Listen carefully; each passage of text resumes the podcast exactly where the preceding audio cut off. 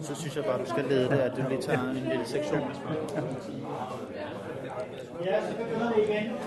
Velkommen tilbage.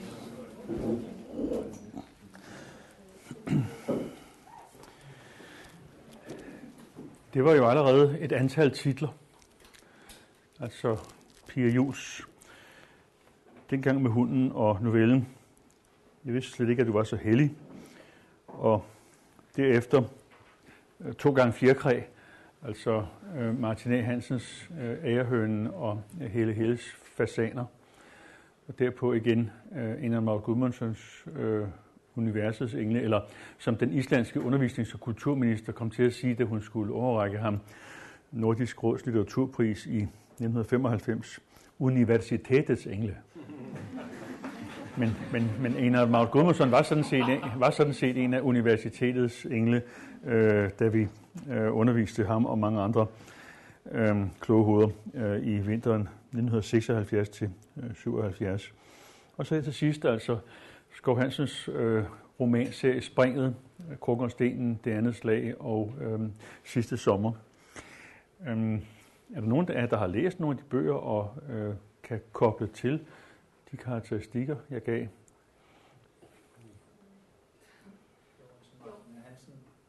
Ja.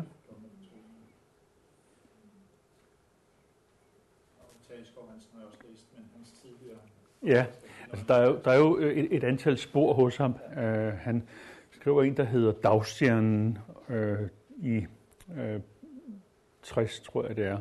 Og så en, der hedder Hjemkomst, som handler om en ulandsfrivillig. Det kommer i 69.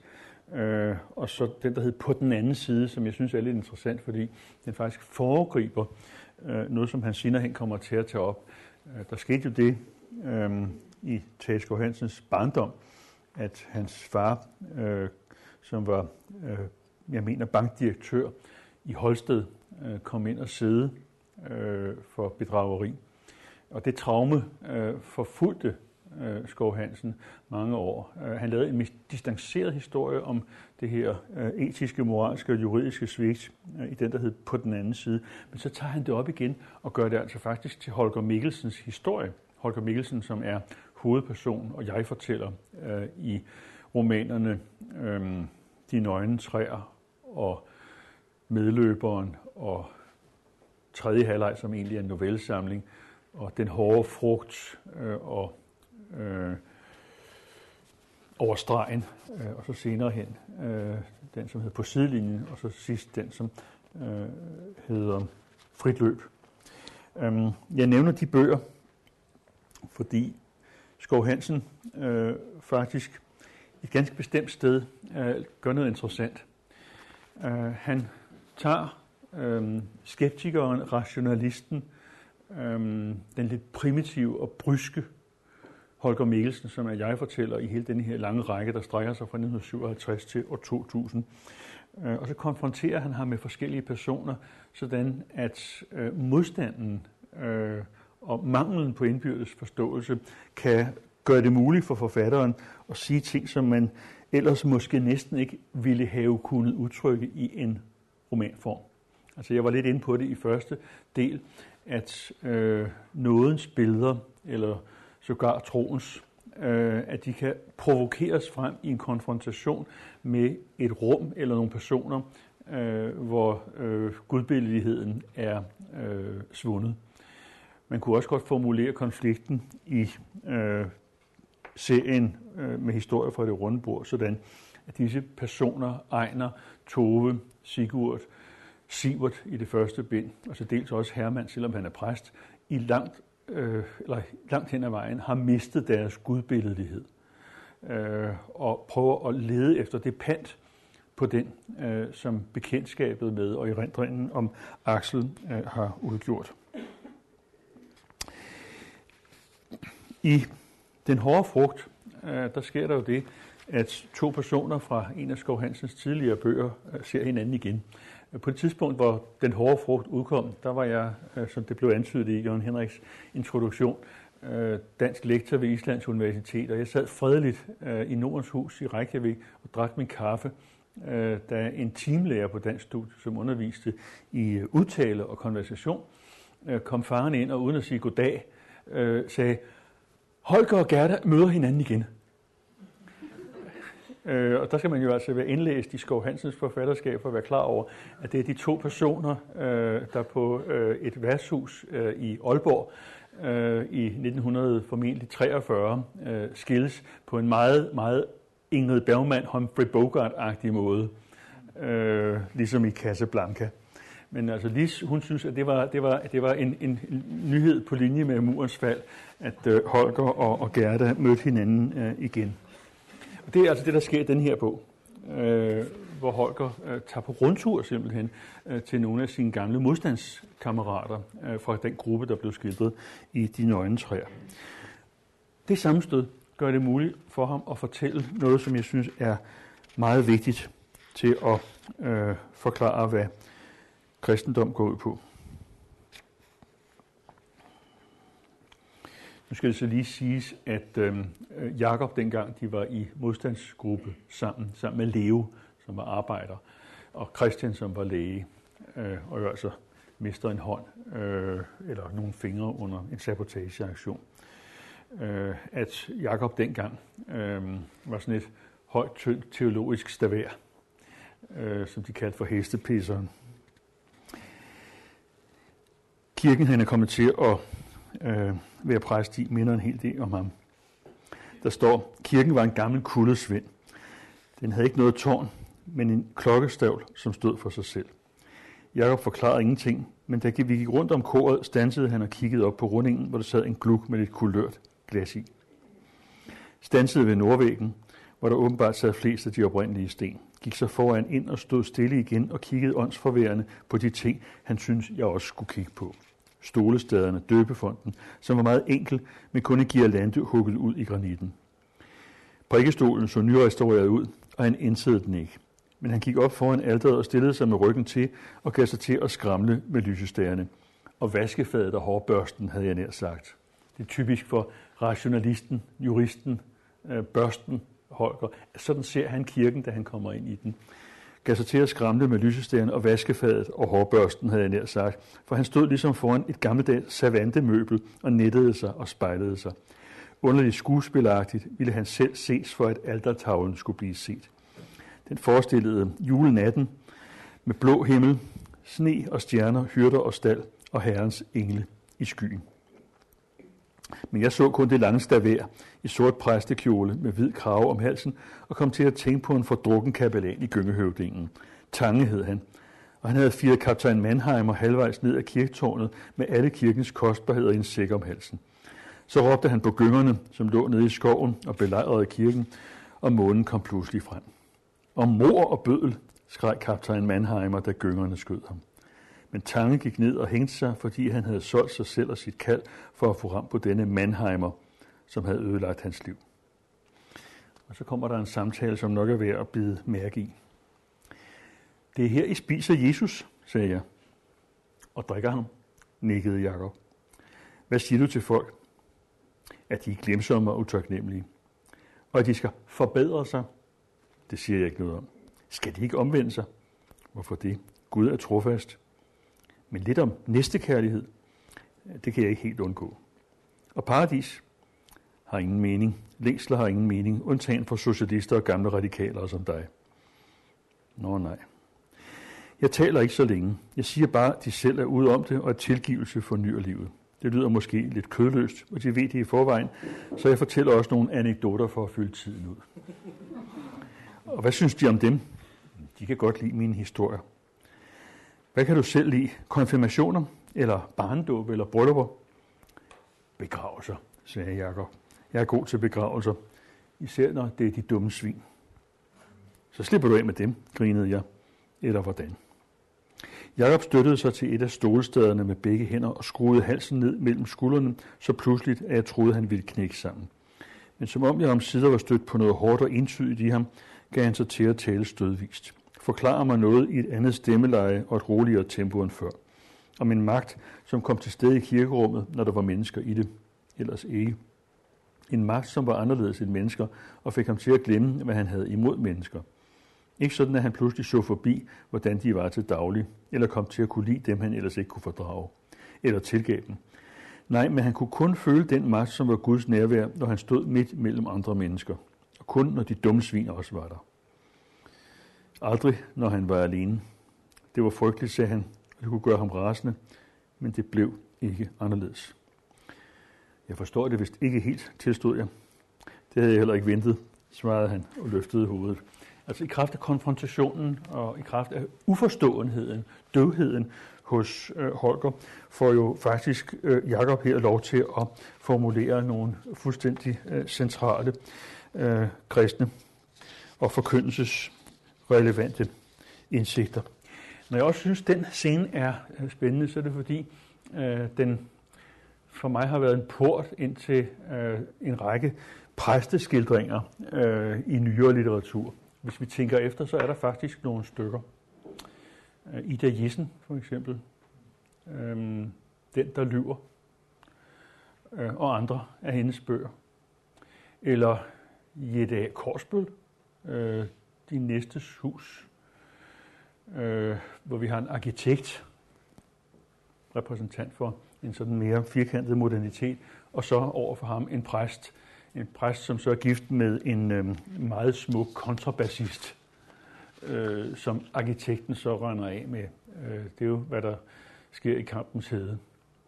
Øh, den historie øh, er værd at tage med, men også adskillige andre. Det er ikke kun Blikker og Pontoppidan og Jakob Knudsen og Hans Kirk, der skildrer præster, og det er heller ikke fra nyere tid kun Skov Hansen, Ida Jessen og øh, Jette A. Korsbøl.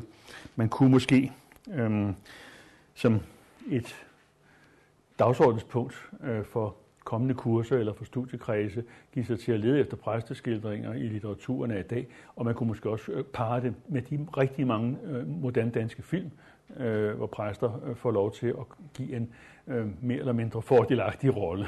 Det er jo ikke altid, øh, de øh, tager sig så heldigt ud. Men jeg synes, det er værd at tage med som et tidstegn.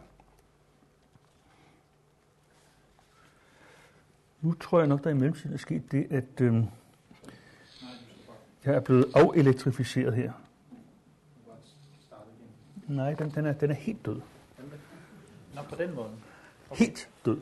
Har vi en strømforsyning med? Et øjeblik her. Så.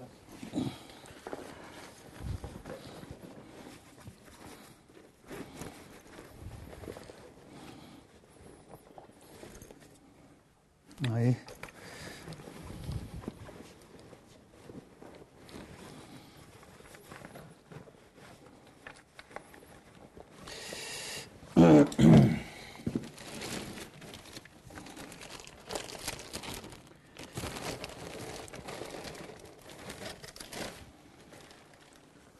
Ja.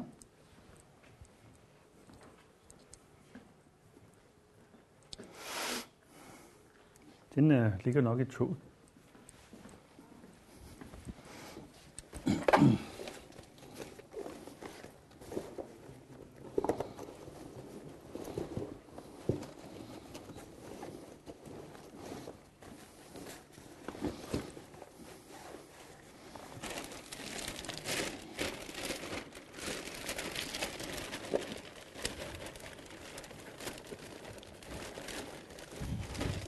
Var da pudsigt. Nej, men det, det er den.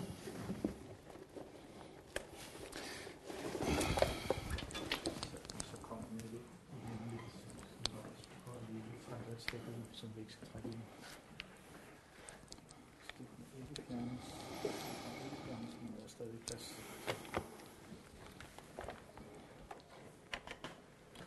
Så går der lige lidt tid til. Ja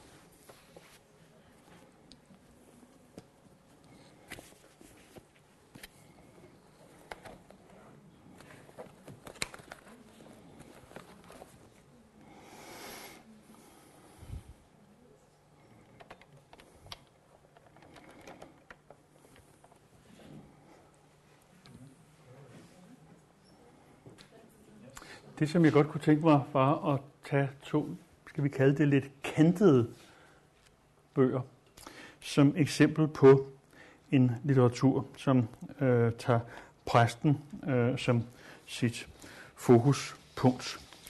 Øhm, det, som specielt interesserer mig, øh, når vi får skildret øh, præster, det er, at der er nogle genkommende størrelser, øh, som viser sig på tværs af forfatterskaber og øh, enkelt værker. Øh, jeg tror, det var Panduro, der talte om, at når han hele tiden skildrede, skildrede middelklassen, øh, så var det fordi, det var faldhøjden, der interesserede ham. Altså øh, store eksistentielle begivenheder, de slår ligesom rigtig hårdt, øh, når men lad det komme ud, Lad det være fyrster og konger, øh, der kommer ud for dem. Det skal nok forsvinde det der på et tidspunkt. Faldhøjden.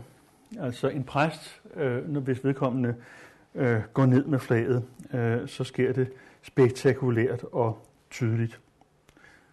Nu har jeg så igen problemer her. Yes.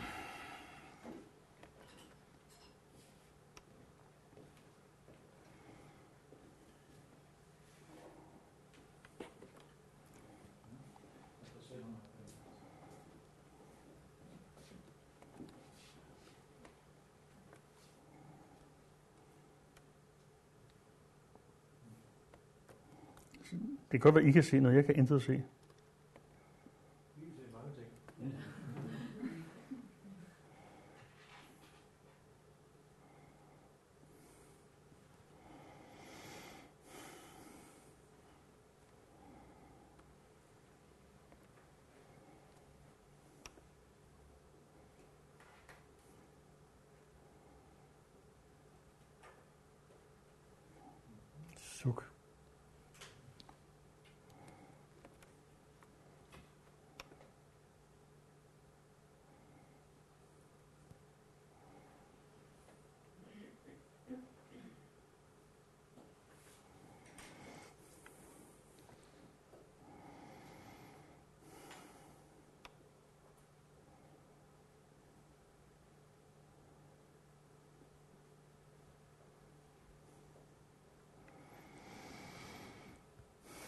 Skidt være med det. Jeg kan også bare hellere, tror jeg, fortælle. Fordi de to bøger, øh, som jeg kommer til at tale om her til sidst, øh, Kerstin Ekmans Skrabelodder og Hanne Ørstaviks Præsten, øh, sætter netop fokus på det, vi kunne kalde for det gudsforladte menneske og på gudsbilledets genkomst som et motiv i den nyeste litteratur. Det norske eksempel, jeg har taget med, er øh, Hanne Ørstaviks Præsten fra 2004, som kom på dansk i 2005, hvor Liv, som jeg fortælleren hedder, beretter om sin tilværelse som hjælpepræst i det allernordligste af det nordlige Norge, på den egen, hvor samerne i midten af 1800-tallet gjorde voldeligt oprør mod både den værtslige og den kirkelige myndighed, sådan som Liv faktisk også har skrevet sin akademiske afhandling om. Efter studierne har hun så opholdt sig i Tyskland, hvor hun lærte en dukketeaterdame at kende, som en dag går ud i en skov og skyder sig. Hvorfor får vi først at vide hen imod slutningen af bogen. Det er de to fortidsspor i romanen, altså sameoprøret og så Tysklands opholdet. På nutidsplanet er der to handlinger. En ung pige hænger sig i et tørrestativ til fisk – og en anden ung kvinde, som sammen med sin mor og yngre søster bor i præstegården hos Liv, skal begge pulsårene over. Altså fire handlingsspor, som hele tiden skifter, hvad der gør romanen krævende at følge, men også giver den en voldsom spænding, fordi det handler om tomhed og om det at mangle de dækkende ord.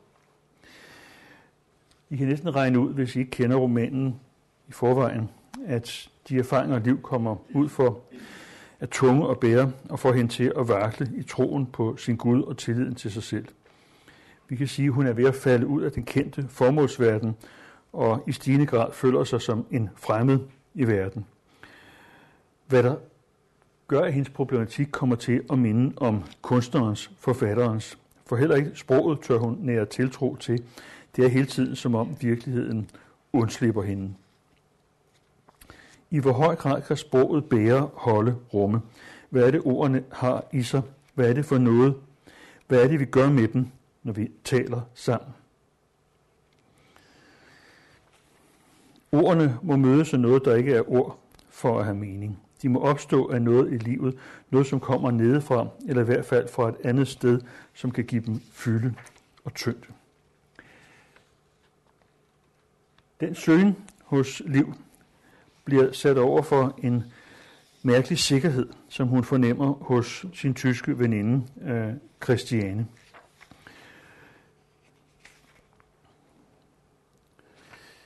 Christiane sad der og smilede skævt i den sorte dragt med en slags morgenkåbe over, som var tykkere og virkede varm. Og det, hun sagde, virkede godt festet i hende, tænkte jeg. Gjorde det ikke? Det virkede, som om der var en forbindelse i hende mellem ordene og det andet. Det ordene måtte være fyldt af.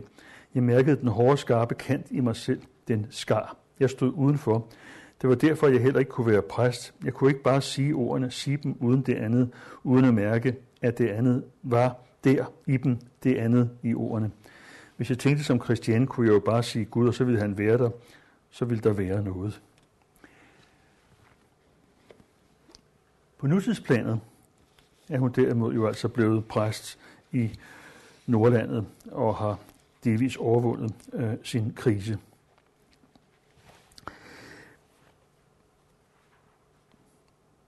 Inden mødet med Christiane i Tyskland opholder hun sig et kloster, i et kloster, hvor hun igen er fremmed.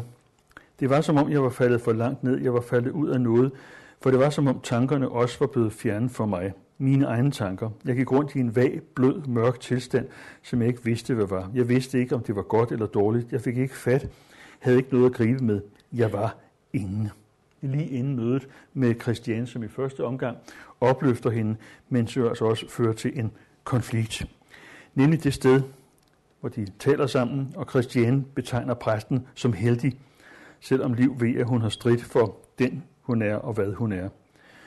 Og da hun så svarer, vender hun anklagen imod Christiane og siger, at dukketeateret er ganske vist er smukt at se på og fint og intelligent, men det er for let.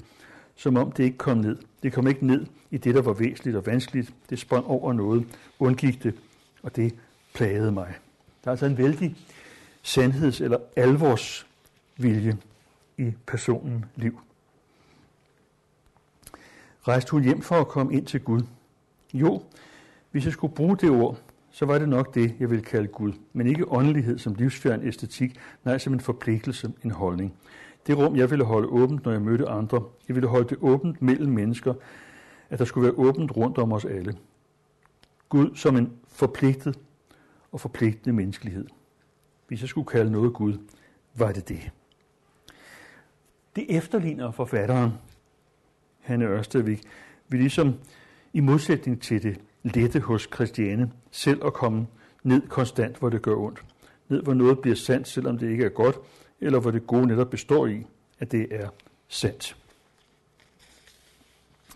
Jeg ser altså øh, en parallelitet imellem kunstnerens bestræbelse på at forfølge sine personer ind i mørket, hvor noget er sandt, selvom det ikke er godt, og så en præsts forkyndelse.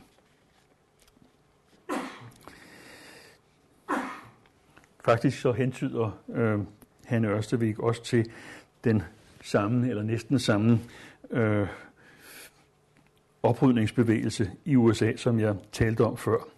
Øh, Liv er på et tidspunkt til et præsteseminar, hvor en mand fra et missionscenter ved kysten i Vestamtet holdt et oplæg om en bibel, man havde udgivet i USA, hvor alle svære ord og alle modsætninger og tvetydigheder var søgt fjernet. Det havde været en kæmpe succes. Men der kom jo ikke nogen bund ud af at tage det modsætningsfyldte væk. Det var ikke muligt at lave en tæt sammenhængende flade af Bibelen. Hvad slags vidshed var det, hvis der ikke var et eneste spørgsmål mere? Hendes egen beslutning går ud på at holde det åbent, sig ikke, at det ikke findes. Gør det ikke mindre. Gør det ikke småt og overskueligt. Hvad det end er, hvordan det end er, lad det findes, og lad det få lov til at være. Altså en hengivelse til det åbne, det uforudsigelige, og en ro i at sige til sig selv, at jeg kan ikke tro andet, end at det nok skal gå. Hvad mener han, når vi siger det? Jeg kan ikke tro andet, end at det nok skal gå. Ja, det kan være en forudsigelse. Jeg vil da regne med, at det går. Det kan også være en beslutning. Jeg er nødt til at regne med, at det går. Men man kan også, når man siger, jeg kan ikke tro andet, end at det nok skal gå. Øh, man kan også læse det som en hengivelse til troen selv. Jeg er henvist til håbet, til troen på, at det går. Det er et af de tydeligste og klareste eksempler, jeg har set på øh, en parallelitet og et naboskab imellem øh, en moderne, særdeles alvorlig og eksistentielt tænkende forfatter øh, og så øh, en præsteskikkelse. Men det er også det, vi finder øh, i Kerstin Ekmans øh, tredje og sidste del af øh, trilogien Ulveskinnet, hvor hun i de tidligere bind havde fulgt mormoren Hillevi og moren Myrten Fjeldstrøm, og samlet set øh, lagt med sit værk et snit igennem øh, det 20. århundrede. Skrabløjet er ikke nem at læse. Det er en kompleks beretning, som springer imellem flere fortællere og synsvinkelbærere, og som tidsmæssigt former sig som en mosaik eller vævning med mange parallelle og krydsende tråde at holde sammen på. Men groft sagt handler historien om, at øh, Ingefred på et tidspunkt dropper sin karriere eller sin uddannelse som socialrådgiver og giver sig til at studere teologi og ender med at blive præst. Og der er tre afgørende begivenheder øh, i hendes liv. Den første er en koncert i Engebrechtskirken i Stockholm med Bachs Johannes Passion. Den anden er en nadver, hvor alt føles som om det ubenhørligt kan blive hverdag, undtagen lige præcis dette. Og et tredje sted, det er et vindpust i kirken, som pludselig fylder tomheden ud, øh, og hvor der på hebraisk bliver sagt, Ruach Elohim, altså Guds ånd, øh, strømmer øh, igennem rummet. Der er det særlige ved koncerten i Engebrechtskirken, som optræder tidligt i romanen, at hun får sendt en billet til den, uden at vide, hvem det er, der har givet hende den. Men det er altså hendes mor, som adopterede hende bort. Så vi har en historie, som kan læses som en studie i sjælens anatomi. Vi har en ankomst og en hjemkomst til et sted og en historie. Og så har vi en beretning om et menneskes ankomst til at besidde, besendelse på sin tro og sin gerning. Det er jo altså Inga eller Ingefred, som hun hedder med sit fulde navn, ender i romanens handlingsforløb med at bosætte sig på stedet, hvor hun har arvet, og overtager et halvt præstembede og endelig får redde på sit ophav. Men når jeg nævner de tre scener, altså øh, koncerten i kirken med Johannes Passionen og øh, nadveren, som opfattes som et gennembrud, og så endelig øh, scenen i kirken, øh, hvor det er som om øh, Guds åndepust farer ind af vinduet. Så er det, øh, fordi Kirsten Ingemann har fat i forståelsens og afgørelsens øh, begivenhedskarakter. Det handler simpelthen om en personlig fødsel, hvor hun kan konstatere, at han rørte ved mig. Disse hellige øjeblikke bliver genkaldt og strukturerer den personlige historie.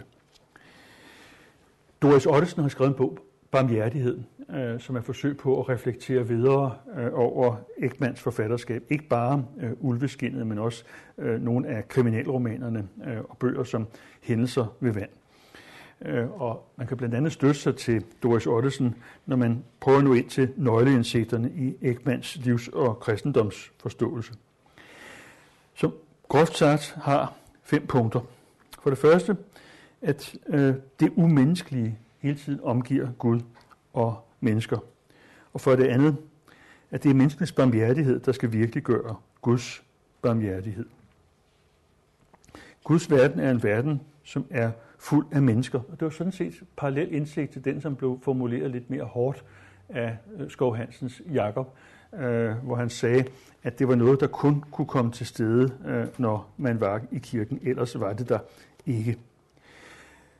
Men den afgørende og nådefulde indsigt er konstateringen af, at man lever i en verden, hvor der findes gentagelse.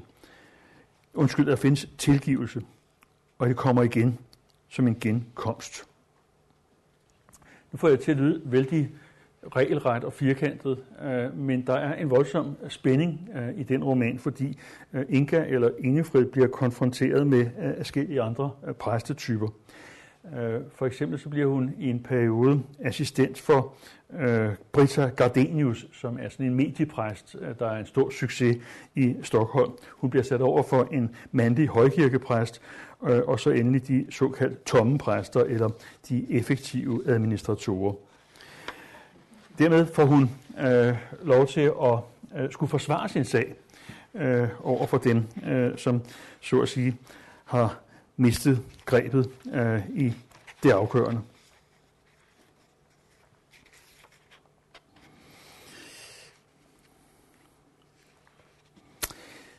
Et af de steder, der fortætter romanens kritik af kirken og præsterne, og vi må så tænke på, at vi er omkring 1980. Det er det, hvor der bliver spurgt, hvem elskede kirken? Alting var forkert. Hvem elskede kirken? Og Socialdemokraterne lige så vrede på deres bevægelse. Og hvordan var der inden for skolens verden?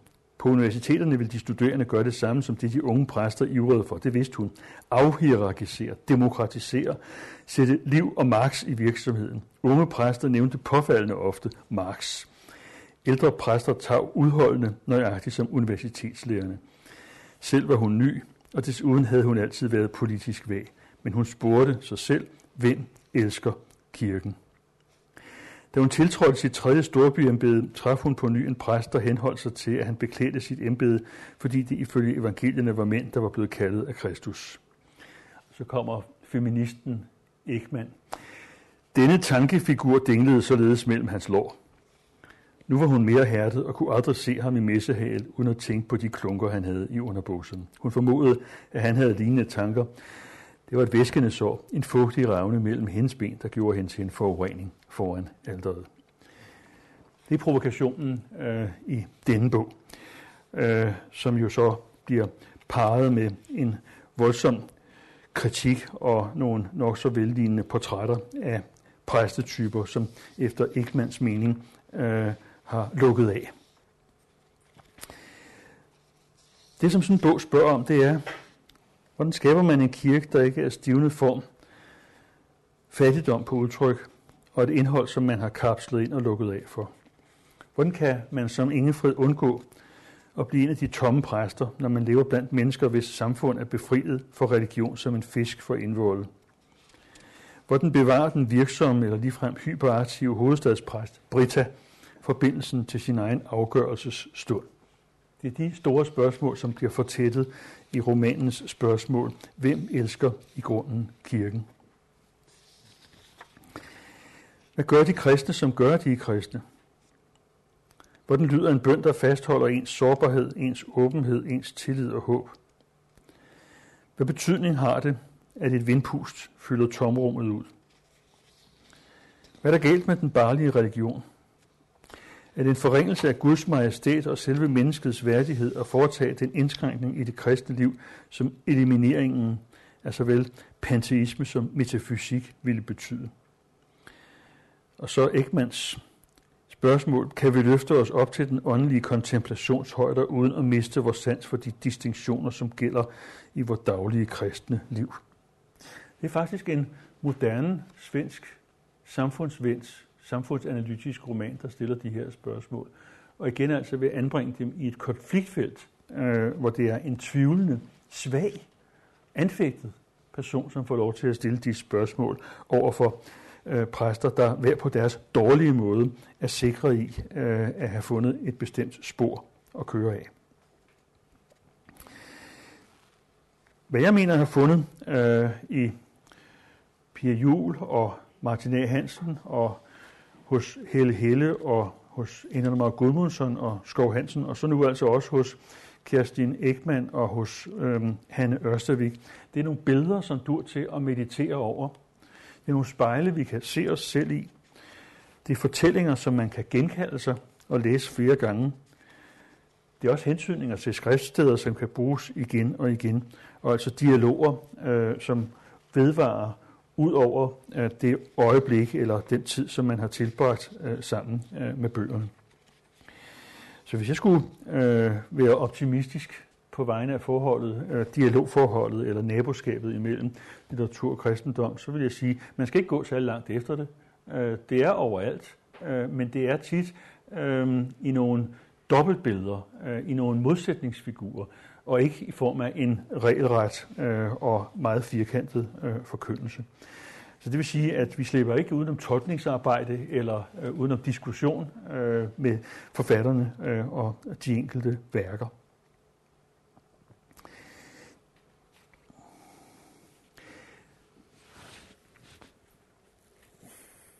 Det sidste sted, øh, jeg har øh, fundet de her dialoger, kom fuldstændig bag på mig. Øh, jeg skulle holde foredrag om øh, Bent Bind Nielsens forfatterskab. Bent Bind Nielsen, født 1951, øh, opvokset i Sulsted, nord for Aalborg, debut 1978 med Arbejdssky, og senere hen kendt for blandt andet Et liv i almindelighed, som kom i 2011, og her senest øh, bogaktuel. Øhm, med historien om en først tømmer og øh, så øh, bankmand og så regnskabsfører og til sidst kioskejer og til aller, aller sidst tankbestyrer. Den der hedder Den svævende tankbestyrer, som kom forleden dag. Men øhm, inden da, øh, der skrev jo altså Bent V. Nielsen blandt andet øh, sådan nogle bøger som øh, En skidt knægt om Bjarne over for Kasper, Øh, han skrev Realiteternes Verden og Godheden selv om Bønne, eller øh, Thomas Emil Bonemann, også fra Aalborg. Øh, og så en, der hedder En bedre verden. En bedre verden handler om øh, en fotograf, Rudi, øh, som en skøn dag ikke har lyst til at stå op. Han har ellers altid øh, arbejdsforhold. Han bestemmer selv som freelancefotograf i presse og reklame øh, sine arbejdsforhold. Øhm, men han er udbrændt og mat øh, og bliver liggende i sengen, og det er naboen, der er nødt til at gå ud og købe ind for ham øh, og sørge for, at han får noget i skruten. Da han kommer op til lægen, får han sådan set bare bekræftet, øh, at han er mat og udbrændt, og det er stress. Øh, andet kan vi ikke kalde det, øh, siger lægen. Og så låner han af naboen en original norsk øh, bjælkehytte på Bornholm. Øh, bjælkehytten er ganske vist lavet i Tyskland, men det skal man ikke hæfte sig for meget ved. Øhm, sådan en skal man have nøgle til. Og den nøgle får han udleveret hos en nabodame, øh, som har en lang og kompleks forhistorie, der fører tilbage øh, til Aalborg og forklarer, øh, hvorfor en bestemt ung mand var med på færgen, øh, da øh, Rudi tog til Bornholm. Der er sket et mor, viser det sig. Og der ligger et lig begravet lige i nærheden øh, af den originale norske langhytte. Og det er Rudi, der finder det lig. Og det er en person med tilvineret tilknytning til den med nøglen, øh, som har sørget for, at den mand blev til et lig. Nu har jeg næsten røbet hele bogen. øhm, men da så på et tidspunkt øh, damen med nøglen Bodil får besøg af en gammel veninde øh, fra Aalborg, så har den gamle veninde øh, sin datter med. Og Rudi, han kan sådan set øh, overhovedet ikke tage, når folk snakker litteratur. Og Kama, som veninde for Aalborg hedder, og Bodil, de tjener kun om litteratur og om denne og hin forfatters undertrykte seksualitet.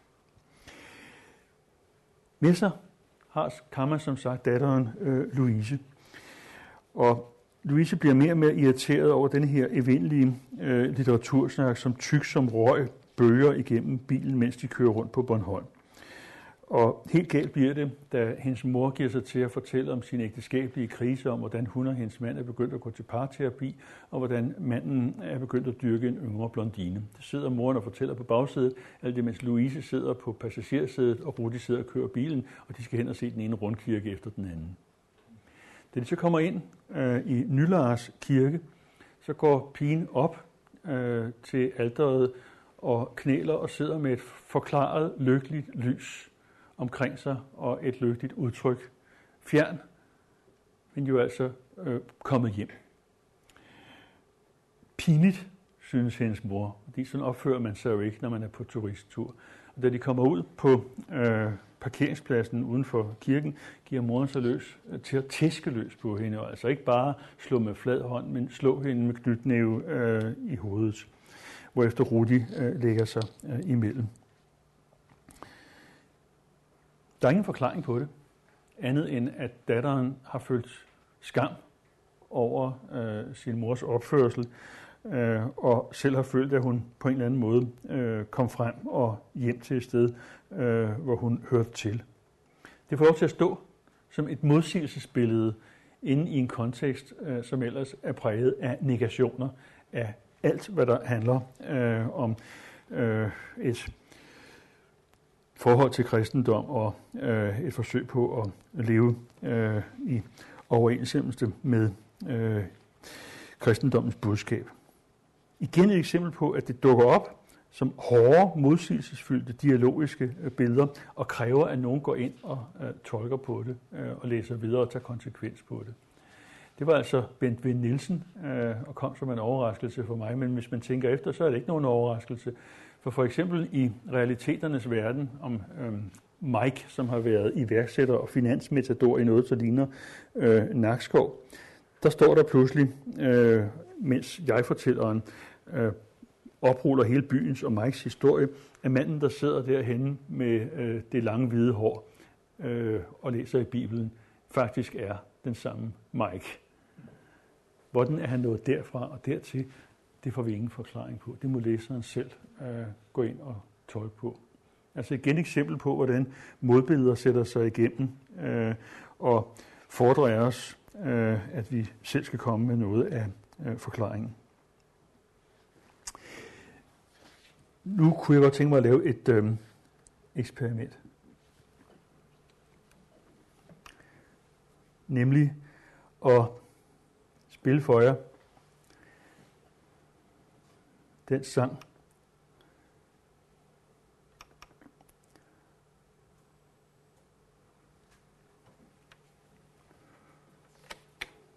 som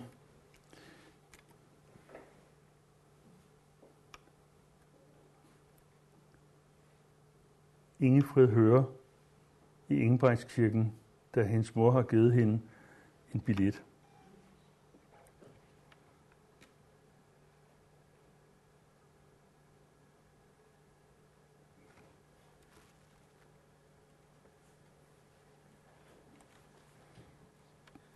Det vil vist ikke rigtig lykkes.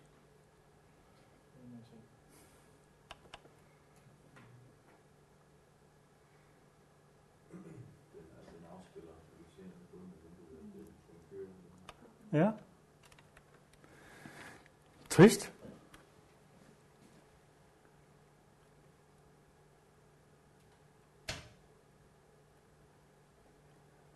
Er det en lydlyd?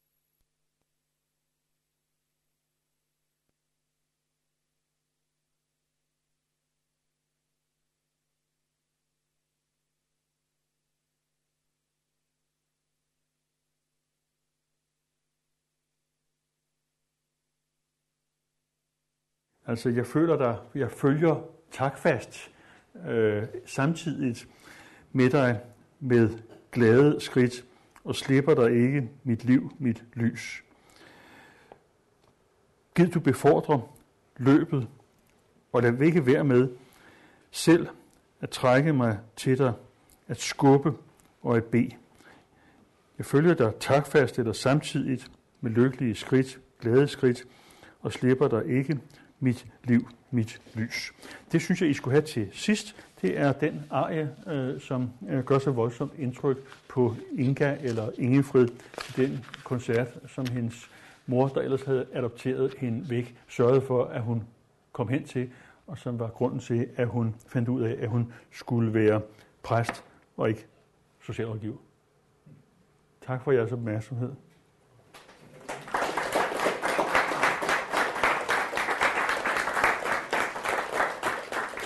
Så vi godt nå et par spørgsmål. Ja. Øh, så hvis nogen sidder med noget.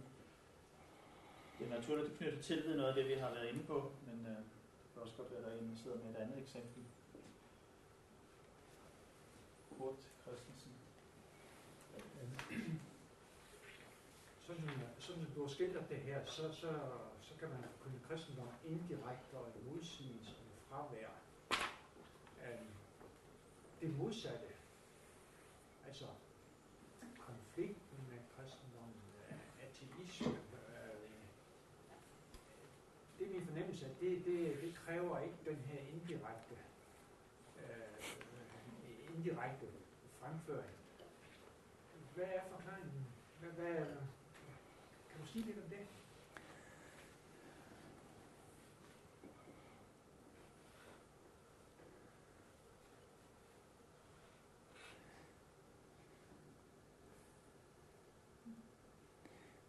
Det du siger er, at øh, det er let nok at kommunikere budskab gående ud på, at sex er godt og Gud er dum. Det kræver ingen ironiske eller paradoxale manøvrer. Det har vi hørt før, og det er nemt at forstå. Jeg tror ikke helt, det er så enkelt. Øh, det jeg prøver at forklare og, og vise frem ved hjælp af de litterære eksempler, det er, at øhm, øh, vi tror mere øh, på et budskab, som er lukket frem i modsigelsens øh, gevanter, øh, end vi ville gøre, øh, hvis en forfatter gav sig til at forkynde mere åbent. Altså i stedet, hvor jeg har set det øh, spaltet op, det har jo været øh, i forhold øh, mellem øh, teologisk og kristen refleksion og så poetisk praksis hos Søren Ulrik Thomsen, som stiller det sådan op, at han er kristen og digter, men ikke kristen digter. Det vil sige, at når man læser øh, for eksempel sådan en bog som Det skabte svaklen eller Senest her rystet spejl, øh, så er det af forvikligheder og kompleksiteter, at kristne temaer og motiver øh, lader sig læse frem. Men det har jo den kæmpemæssige effekt øh, for læseren, at vedkommende selv har måttet gå vejen hen til de billeder og tage imod dem frem af en indhyldning eller indfatning, som de har fået, øh, for eksempel øh, i et modsigelsesfyldt billede. Øh, det tror jeg er forklaringen på, at kristne temaer og motiver hos ham får en gennemslagskraft, øh, selvom de så at sige er pakket ind øh, og bliver udsat for modsigelser i selve det, det litterære værk. Øhm, det var i hvert fald meget tydeligt det, som jeg øh, tog frem fra Skov Hansen, øh, at det var i et modsigelsesmøde imellem øh, Holger og så øh, hans gamle modstandsven Jakob, at en alvor øh, i, i Jakobs forhold til det at være præst pludselig fik lov til at træde frem. Det var da han blev udæsket og aflukket, øh, at han pludselig samlede sig, og hovedet øh, kom til at sidde ned mellem skuldrene på ham, og han fik forklaret, hvad det for ham gik ud på øh, at forkynde øh, Gudsordet i kirken. Øhm, et andet sted hos Skov Hansen, som øh, du kunne tage som udtryk for det samme, det er lige efter scenen i øh, Krukken og Stenen, hvor Ejner og Tove er oppe i det, som så ikke er Gellerup-planen, men et helt igennem fiktivt element bygger i vest for Aarhus. Øhm, der er nemlig sket det, at Ejner øh, har øh, tjent så mange penge på at være med til det byggeprojekt, så de pludselig får råd til øh, eller synes, de har overskud til øh, den ferie, den bilferie til Frankrig, som de længere snakket om. Og så tager de direkte ned øh, sådan i det nordlige Bourgogne øh, til øh, Le Corbusiers valgfartskapel i Ronchamp, som Skov Hansen så beskriver med arkitekten Ejners øjne. Altså Ejner er ikke troende, men øh, det bliver beskrevet sådan, som han ser det, øh, som et hulkort, de der meget små vinduer, eller som en fyrsvamp, eller som en tibetansk ørevarmer. Altså han bliver pludselig poetisk af at øh, komme ind på det her sted. Øhm, og så står der, at mod sin vilje befandt Ejner sig godt. Øh, fordi han synes, at Le Corbusier faktisk her havde lavet et funktionelt kunstværk. Han som jo var funktionalist oprindeligt. Ikke? Øh, han havde lavet et funktionelt bygningsværk, som var velegnet som en fæstning for bøn og meditation, står der så. Øhm, da så de kommer ud, øh, så siger øh, Ejner, mennesket er ikke meget værd. Hvorfor siger du det, spørger konen ham så. Jo, det tænkte jeg inde i kirken. Det var da mærkeligt. Jeg kom til at tænke det stik modsat. Og så står den der bare, den der. Øhm, men da de så kører videre øh, ned ad bjerget øh, og, og, og ned i regnen, øh, så er der jo opstået en, en spaltning i forholdet mellem de to mennesker. Øh, fordi det har vist sig, at hun kunne gå med det, som kirken, øh, eller kapellet trak frem i hende, hvorimod han har lukket af i forhold til det. Der synes jeg, der sker noget afgørende, men det sker i form af en modsigelse, øh, hvor øh, en kraft, som har at gøre med kristen forkyndelse, sætter sig igennem, men kun hos den ene af dem. Det er meget sørgeligt, men også meget smukt sted.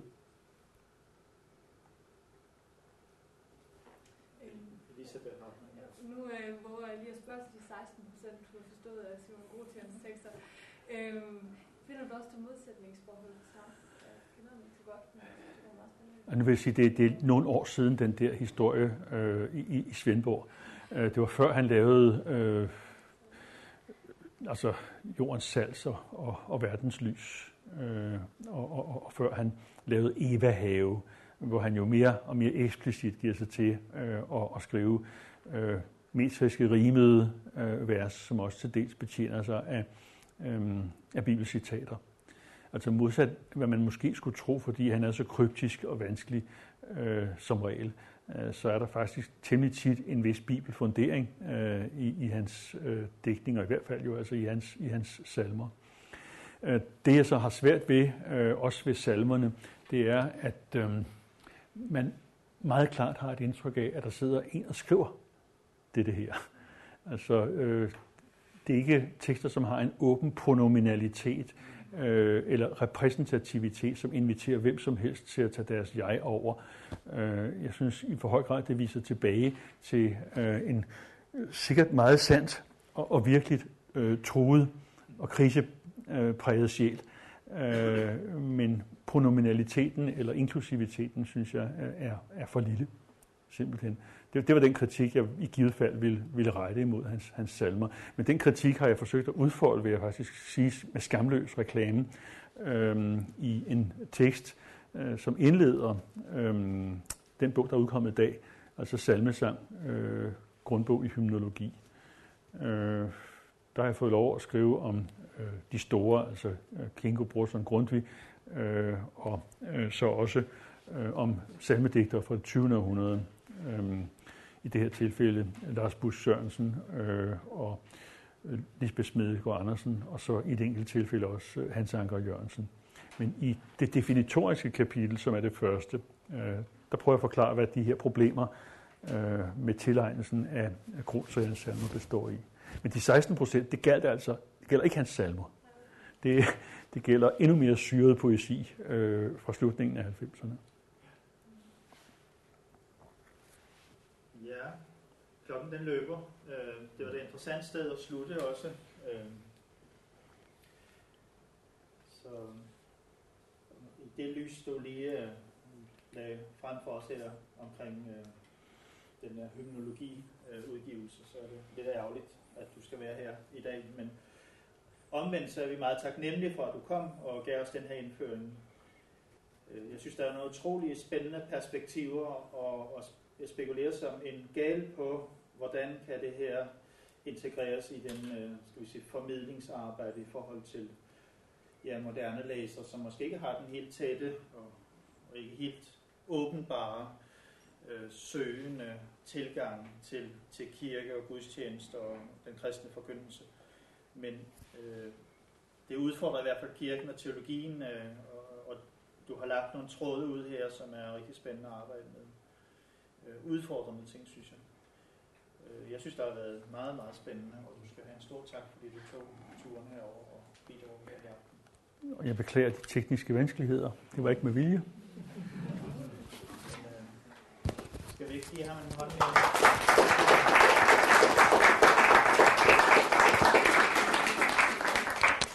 Så vil jeg spørge, om der er en, der har